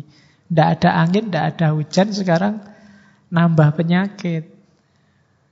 Kenapa? Obat yang dikasih salah. Karena apa? Karena ilmuwannya, ulamanya, itu kan, tidak transformatif. Mereka tidak mikir perubahan masyarakat. Yang dipikir kepentingannya sendiri. Dia tidak mikir transformasi. Gimana sih umat Islam ini kok mundur kuncinya di mana? Penyakitnya apa? Sakitnya di bagian mana tubuhnya? Perlu ada amputasi apa enggak? Kan itu. Tidak ujuk-ujuk amputasi. Nanti sakit pilek dibawain gergaji ini, diamputasi kakinya ini. Ya kacau. Jadi, dan Rausan Fikir bisa membaca. Masyarakatku ini problem utamanya kemiskinannya, ataukah keimanannya yang tidak terlalu kuat, ataukah apanya? Pemimpinnya yang tidak ada yang bagus ataukah apanya? Ini Rausan Fik bisa baca. Kalau sudah jelas penyakitnya, baru ngasih resep. Oke, yang pertama. Kemampuan kedua seorang Rausan Fikr adalah dia bisa membangunkan masyarakat yang tertidur. Jadi dia bisa mendidik masyarakat. Bukan manas-manasi, bukan memprovokasi, tidak membiarkan masyarakat dalam logika kerumunan yang salah kaprah. Tapi dididik, biarkan mereka mikir sendiri sampai sadar sendiri. Kalau kesadaran masing-masing orang ini lebih, perjuangannya lebih total. Bukan karena ikut-ikutan. Terus yang ketiga, tadi kan mendiagnosis penyakit. Kalau yang ketiga bisa mengasih resep dari penyakit itu. Tadi penyakitnya apa? Dia bisa. Oh, kalau problemnya kemiskinan berarti yang digarap ekonominya. Gimana caranya masyarakat ini ekonominya meningkat? Itu rausan fikir. Terus yang keempat, dia bisa mendiagnosis dengan tepat sama penderitaannya apa. Selain penyakitnya yang dirasakan apa oleh masyarakat, kemudian bisa menemukan relasi-relasi antara dunia sosial, dunia budaya, dunia politik dengan penyakit tadi. Jadi, oh ini ekonomi penyakitnya. Yang bikin ekonominya sakit karena pemerintahnya. Pemerataannya kurang. Yang bikin pemerataannya kurang itu karena ininya. Maka ini harus dibegini ini. Itu rausan fikir. Jadi pemimpin, ulama, pemikir yang tercerahkan. Dan yang terakhir bisa melakukan transformasi. Masyarakat disadarkan, terus menginisiasi gerakan bersama untuk terjadinya transformasi, perubahan sosial bareng-bareng. Itu rausan fikir.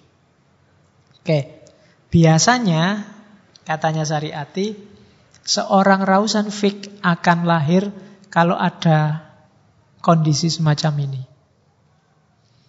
Yang pertama apa? Ada gap antara kaum terpelajar dan rakyat jelata. Ketika yang elit semakin elit, jauh sekali sama rakyatnya, itu biasanya nanti akan muncul seorang ilmuwan yang memang tercerahkan. Jadi jangan khawatir. Yo Allah sendiri kan berjanji setiap sekian anu akan muncul seorang pembaharu seorang rausan fikr. Jadi hari ini kan kita lihat banyak fenomena orang pinter yang justru menyusahkan rakyat dengan kepinterannya semakin jauh dari yang diomongkan tokoh-tokoh politik itu rasanya kok semakin lama semakin nggak nyambung sama hidup kita sehari-hari. Kalau sudah begitu semakin akut, semakin akut pada saatnya akan lahir seorang rausan fikr. Kemudian clash antara kelompok intelektual dengan ulama. Kiai sama ilmuwan gegeran. Semakin sengit dengan kepentingannya sendiri-sendiri. Kebingungan semakin banyak muncul. Lebih tinggi ini daripada yang tadi kaum terpelajar sama rakyat. Karena rakyat ini biasanya merasa aku tidak pinter, ya wis mereka sing pinter. Tapi begitu ulama sama intelek ini clash, biasanya pembingungannya semakin dahsyat. Itu yang banyak kita rasakan hari-hari ini. Terus ada gap lagi antara teori dengan praktek. Idealnya seperti apa, tapi kenyataannya kok jauh. Katanya rahmatan lil alamin, tapi faktanya kok malah bikin orang takut, bikin orang gentar. Ini ada yang salah dengan teori, ada yang salah dengan prakteknya. Ini biasanya muncul seorang pemikir tercerahkan. Dan yang terakhir, ada gap antara rakyat dengan budayanya sendiri. Ketika budaya asli mulai tergusur sedikit-sedikit karena hegemoni dari luar. Apakah luar itu barat atau timur yang agak tengah? Ya, pasti akan muncul seorang Rausan Fikr. Ya, ya jangan salah, Ali Syariati kan seorang Syiah yang sangat kuat percaya bahwa nanti akan ada seorang Imam Mahdi. Kalau di Jawa pasti muncul seorang Ratu Adil. Di Sunni juga percaya akan nanti akhir zaman muncul Imam Mahdi. Jadi problem memang semakin lama akan semakin dalam, semakin rumit, semakin ruwet. Itulah saatnya Imam Mahdi muncul.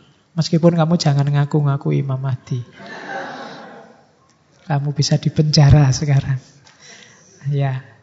Loh, titik hari ini sudah sampai pada coba kamu bayangkan ya, seandainya kan kita yakin bahwa Nabi Isa itu akan turun akhir zaman.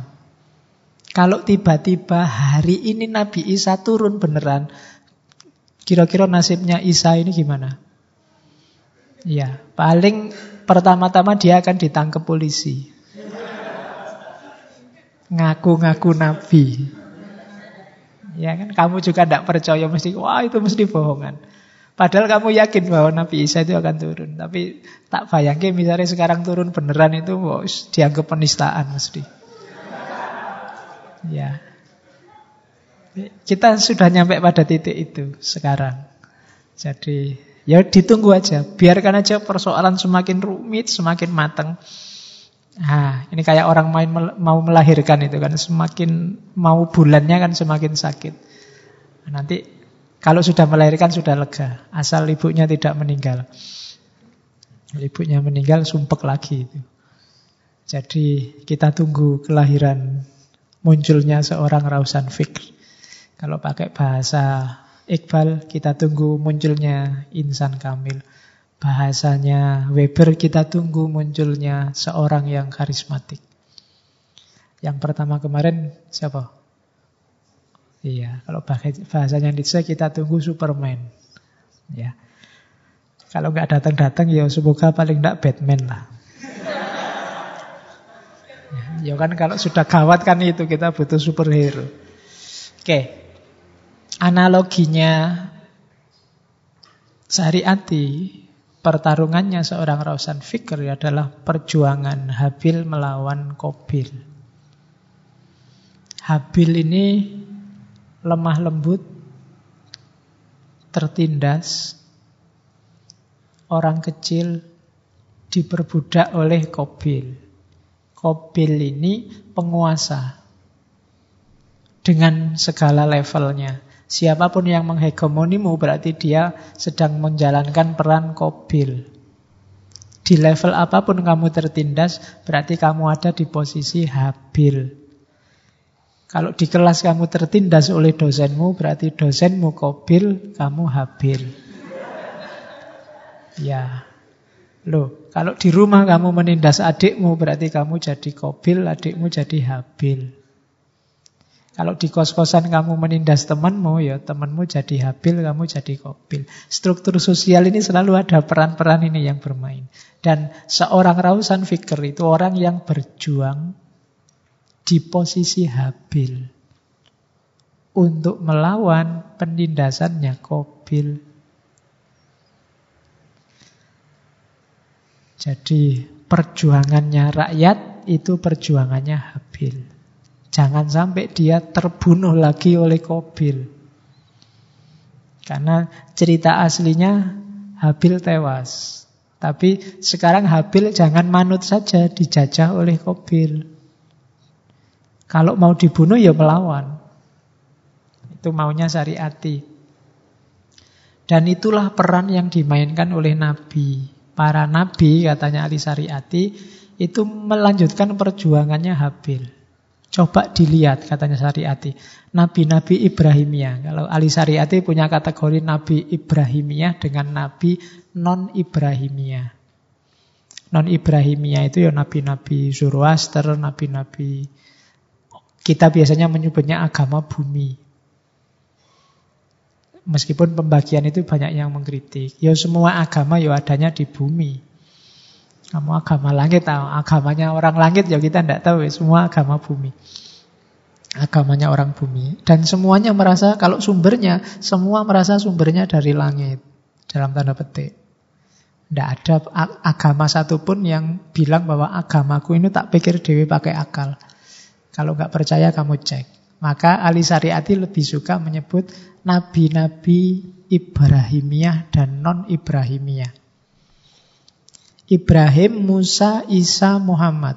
Empat-empatnya ini melakukan peran seorang rausan fikr.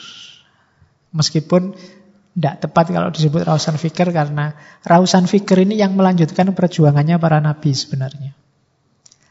Jadi Ibrahim melawan Namrud, Musa melawan Fir'aun, Isa melawan kekaisaran zaman itu. Muhammad melawan Quraisy. Ini kan transformasi sosial, pembebasan sosial. Dan jangan salah, mereka melanjutkan perjuangannya Habil. Mereka muncul dari kelompoknya Habil. Makanya mereka disebut ummi dari kelompok awam.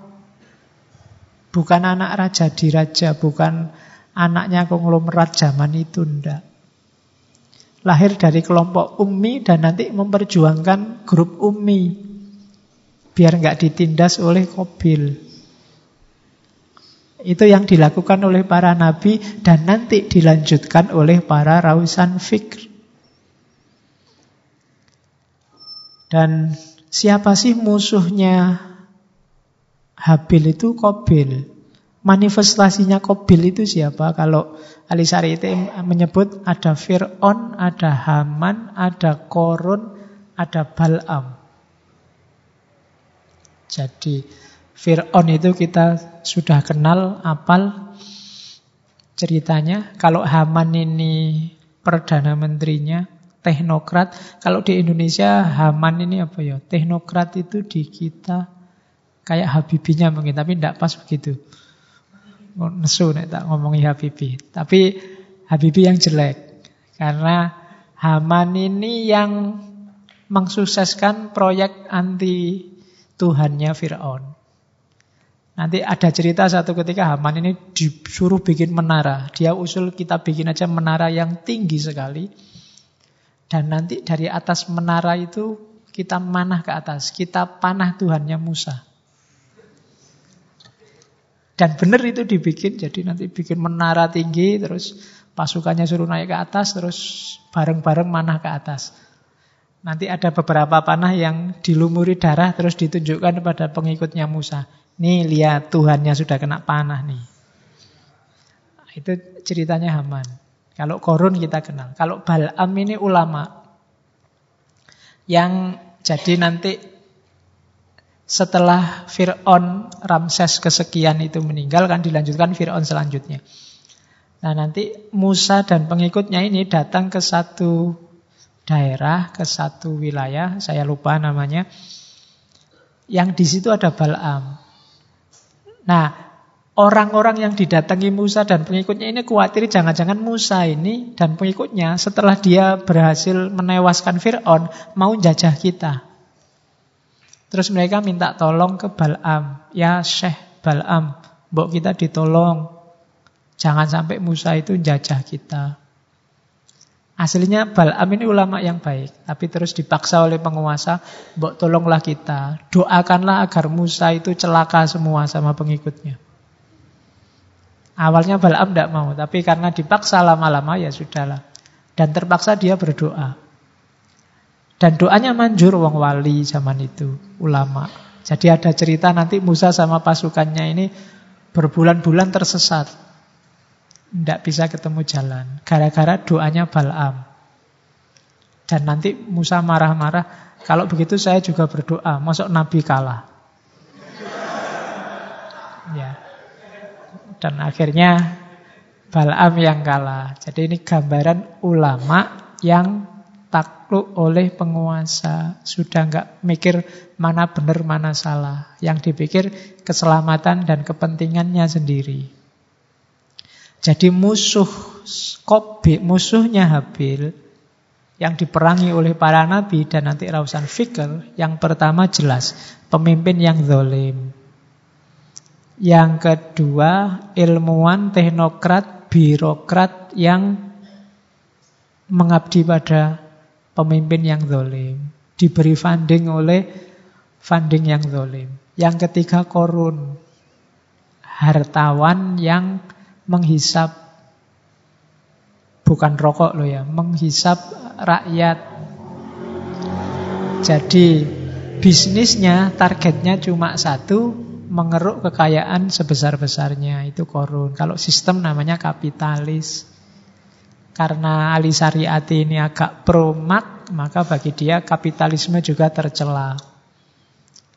Dan yang terakhir ulama yang hanya mementingkan kesejahteraan dan kepentingannya sendiri. Namanya Bal'am. Itu lawan-lawannya Rausan Fikr. Nah, yang dihadapi oleh Rausan Fikr hari ini, hari ini berarti Iran zaman itu sebenarnya juga mungkin tidak jauh beda dari Indonesia hari ini adalah fenomena yang namanya asimilasi. Asimilasi itu apa? Orang yang sengaja atau mungkin tidak sengaja meniru sikapnya orang lain, benchmarknya orang lain. Dia tidak kenal dirinya, dia cuma jiplak orang lain yang dia anggap bagus, dia anggap baik. Resikonya apa orang kayak gini? Dia lupa siapa dirinya, lupa latar belakangnya, lupa budayanya. Jadi fenomena ini namanya asimilasi. Orang yang secara obsesif menolak dirinya sendiri. Disebut Jawa tidak mau Jawa kelihatan anu. Disebut Madura tidak tidak mau Madura. Disebut Indonesia tidak. Menolak dirinya sendiri. Jadi tidak mau Mungkin kalau kamu keluar negeri disebut Indonesia agak malu. Nah, itu berarti kamu kena sindrom asimilasi. Malu ah Indonesia, negara dunia ketiga. Isinya cuma demo sama gegeran. Lah. Nah, itu berarti kamu kehilangan jati dirimu. Ya enggak cuma Indonesia, kadang Jawa kan kamu juga malu, kadang yang Madura juga malu menyebut Madura. Saya bukan Madura loh mas. Saya itu berarti bodoh. Kehilangan jati diri. Jadi dia melenyapkan dirinya sendiri. Dia terasing dari dirinya sendiri. Indonesia yang tidak kenal Indonesianya lagi. Iran yang tidak kenal keiranannya lagi. Jati dirinya hilang. Masyarakat kayak gini, ini nanti dia jadi sumber persoalan. Lahirnya apa? Individu palsu bahasanya syariati. Individu palsu itu apa? Bahasanya syariati orang timur semi Eropa karena saat itu yang jadi penyakit kan Eropa dengan baratnya westernisasi zaman Sahreza Pahlavi. Ya kalau masuk ke Indonesia bisa macam-macam. Orang timur yang semi Timur Tengah, orang timur yang semi Arab, orang timur yang semi Afrika. Ada nggak yang kayak niru Afrika? Ya kan? Jadi harusnya klub sepak bolamu itu PSS apa MU tapi yang Madura United. Tapi kan kamu ndak mau, ndak keren pak. Yang keren itu ya Barcelona, Madrid, Leicester dan kawan-kawan. Kalau yang Persib, bangsa PSS itu ndak ndak banget lah pak. Bukan saya itu pak. Lo itu kamu malahan. Ya kan? Ah itu bukan gue banget. Nah, justru malah kamu yang begitu itu dangdut, karawitan, apalagi wayang. Ah itu tidak saya banget lah Pak. Loh padahal justru kamu di situ. Cuma kamu tidak ngakui. Akhirnya apa? Kamu jadi individu yang palsu. Musik pak, saya itu hip hop pak, blues apa nih? Ya kan? Padahal wajahnya Jawa banget, irungnya pesek. Tidak bisa ditipu. Jadi kita jadi individu yang palsu. Jadi orang yang tidak lengkap, semi. Rambut aja sekarang saya tidak tahu di mana-mana banyak yang rambutnya merah itu kan. Kalau merah memang ingin nutupi ben nggak ketok putih itu masuk akal. Cuma rambut bagus-bagus kamu diwarnai pirang. Ayo wajahnya sudah kelihatan Jawa banget rambut merah itu tidak masuk akal. Ya, banyak kan yang ya bukan tak salahkan, contohnya begitu. Jadi Hati-hati dengan identitas. Karena begitu kamu kehilangan identitas, kamu tidak bisa membangun dirimu. Kamu tidak bisa lagi mengenali dirimu, tidak bisa. Positioning juga mesti susah. Siapa aku kamu tidak bisa jawab. Maka semua pertanyaan di bawahnya tidak akan terjawab. Posisimu di mana, peran yang kamu mainkan apa, tujuanmu apa, itu tidak akan terjawab semua. Karena kamu sendiri palsu. Harapan-harapanmu bukan harapan-harapan versi budayamu, tapi harapan-harapan orang di luar dirimu. Cita-cita saya Pak, yang penting musim ini Barcelona kalah, Madrid yang menang. Hubungannya apa sama dirimu? Tapi kan kamu terlanjur ke situ. Pokoknya Pak, saya hidup mati Argentina harus juara dunia. Loh, Lu kamu orang mana? Contohnya kan begitu. Jadi lama-lama kamu hilang identitasnya, kamu jadi individu yang palsu, bukan dirimu sendiri. Ini yang jadi tugas beratnya seorang Rausan Fikr. Mengingatkan masyarakat, mengingatkan manusia, membangunkan mereka dari tidurnya bahwa ini loh identitasmu. Identitasmu bukan yang versi barat atau versi timur tengah atau versi timur jauh. Sekarang kan ada kiblat baru namanya Korea. Iya. Di mana-mana Korea nan sekarang. Baju aja Korea. Ya kan? Kamu niru-niru orang Korea sampai kulit kamu putih-putihkan. Di antara produk terlaris kosmetik itu kan pemutih. Ada yang wajahnya putih tapi kulitnya hitam tangannya. Ya kan? Lo itu kan produk. Iya, lama-lama kamu jadi kayak zebra belang-belang. Putih hitam, putih hitam. Iya. Itu karena kamu salah kiblat sih. Justru kalau orang Indonesia itu yang sawo mateng, asal jangan mateng banget. Itu lebih menarik harusnya, tapi standar kecantikanmu kan geser sekarang. Tidak lagi versi Indonesia, tapi versi Korea. Mungkin dulu agak versi-versi Barat, versi sekarang idola di mana-mana Korea. Bahkan cowok-cowoknya sekarang kan cowok Koreanan, ke mana-mana pakai make up. Ada ndak di sini cowok tas itu yang isinya make up, dikit-dikit ke toilet terus Iya, keringetan sidik wae ambil tisu diusap-usap. Iya.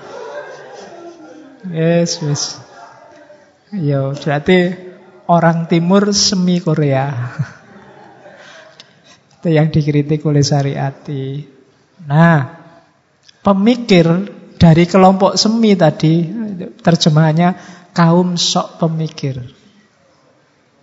Jadi ini muncul dari kelompok asimilasi.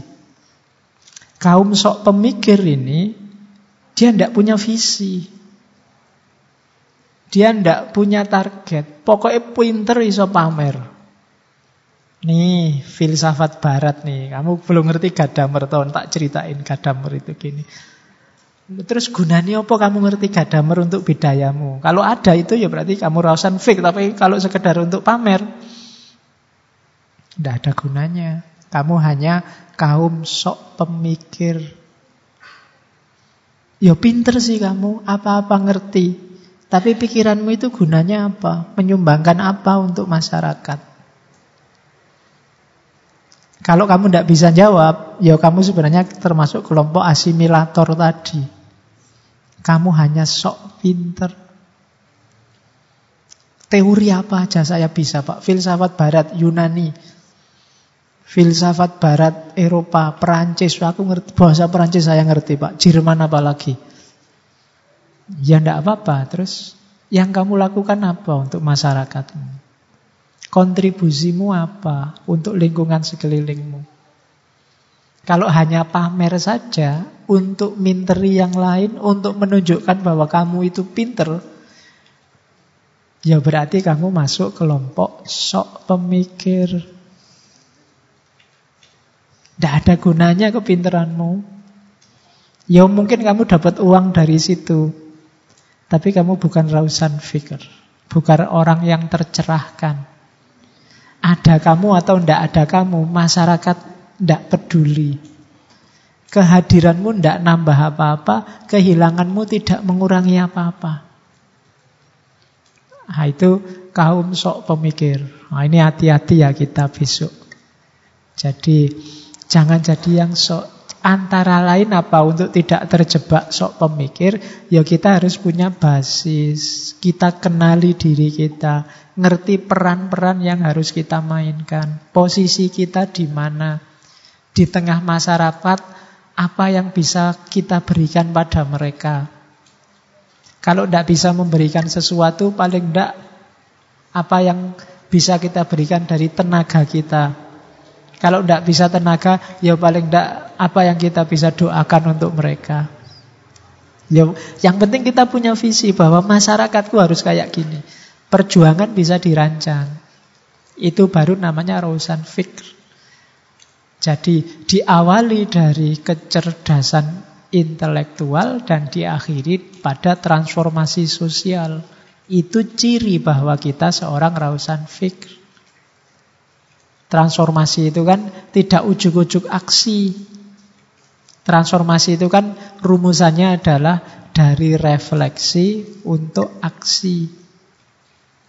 Mikir dulu baru gerak. Jangan mikir saja tanpa gerak. Itu kaum sok pemikir. Juga jangan ujuk-ujuk gerak tanpa mikir. Itu namanya ngawur. Iya kan? Loh, tiba-tiba kok gerak, mau ke mana? Nggak tahu, yang penting jalan aja. Loh, itu yang ngawur.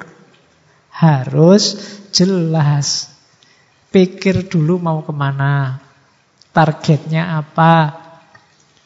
Butuh modal apa saja yang harus dilewati nanti jalan mana saja, ciri-ciri tujuannya itu apa. Nah, itu baru, kalau sudah itu semua jelas, baru aksi. Jangan ujuk-ujuk aksi. Begitu nyampe lapangan, ayo mau apa kita sekarang? Tidak tahu.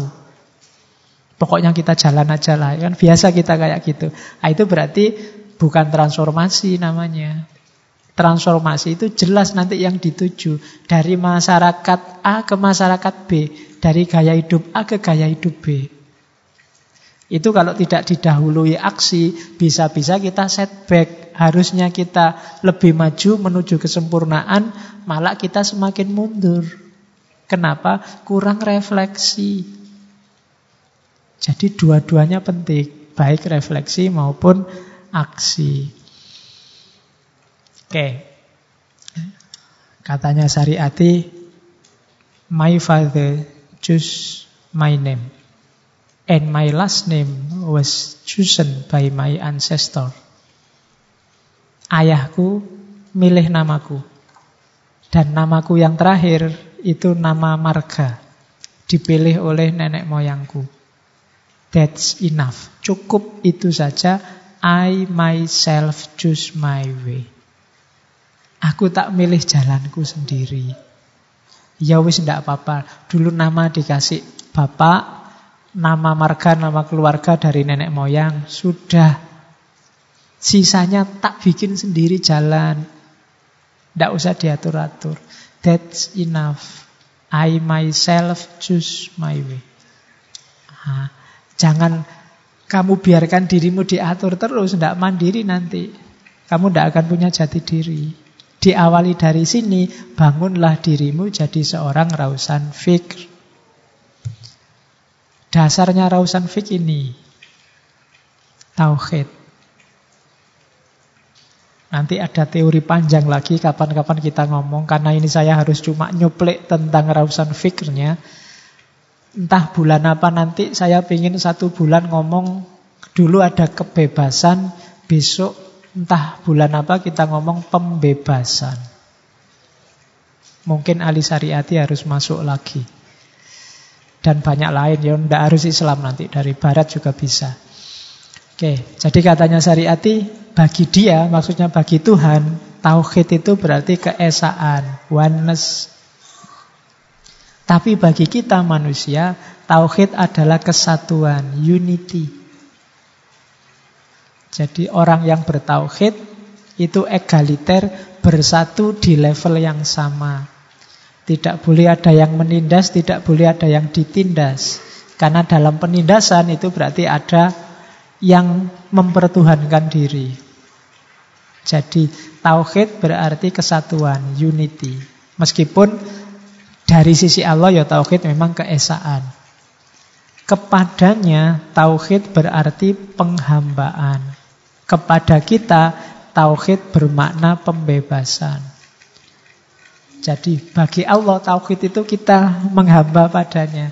Tapi bagi kita kalau kita bertauhid itu berarti pembebasan. Kenapa? Karena sebelum kita bebas dari segala hal di dunia ini, kita tidak akan bisa menghamba secara 100% pada Allah. Begitu kita bertauhid berarti tidak boleh ada ketergantungan Nggak boleh ada keterikatan pada apa pun selain pada Allah. Tauhid yang sejati dibuktikan dengan kebebasan yang sejati juga. Untuk dia, tauhid adalah pemujaan tanpa syarat. Untuk kita, tauhid adalah persamaan tanpa kelas. Dalam hidup ini hanya ada dua kelas, kelas kholik sama kelas makhluk. Kita semua ada di kelas yang sama, yaitu kelas makhluk. Jadi wajahnya tauhid adalah wajah masyarakat tanpa kelas. Di mana masih ada sekat-sekat kelas, apalagi yang sifatnya hierarkis, saling menghegemoni, saling mendominasi, saling zolim mendolimi, berarti di situ tauhid belum terrealisasi secara utuh. Di situlah nanti seorang rausan fik harus bertugas. Oke, Alhamdulillah sudah selesai. Jam 10. Minggu depan kita ketemu sekali lagi dengan manusia istimewa. Insan kamil lagi, sekali lagi cuma dari tradisi tasawuf. Kita akan ketemu insan kamilnya Ibnu Arabi. Ya. Jadi biar nggak yang kalau Ali Syariati sama Iqbal itu kalau pakai terminologi tahu ini masuk golongan yang. Minggu depan kita masuk pemikiran yang golongannya yin. Baunya sangat sufistik. Oke. Saya akhiri sekian. Kurang lebihnya mohon maaf. Wallahul muwafiq. Wallahu a'lam bisawab. Wassalamualaikum warahmatullahi wabarakatuh.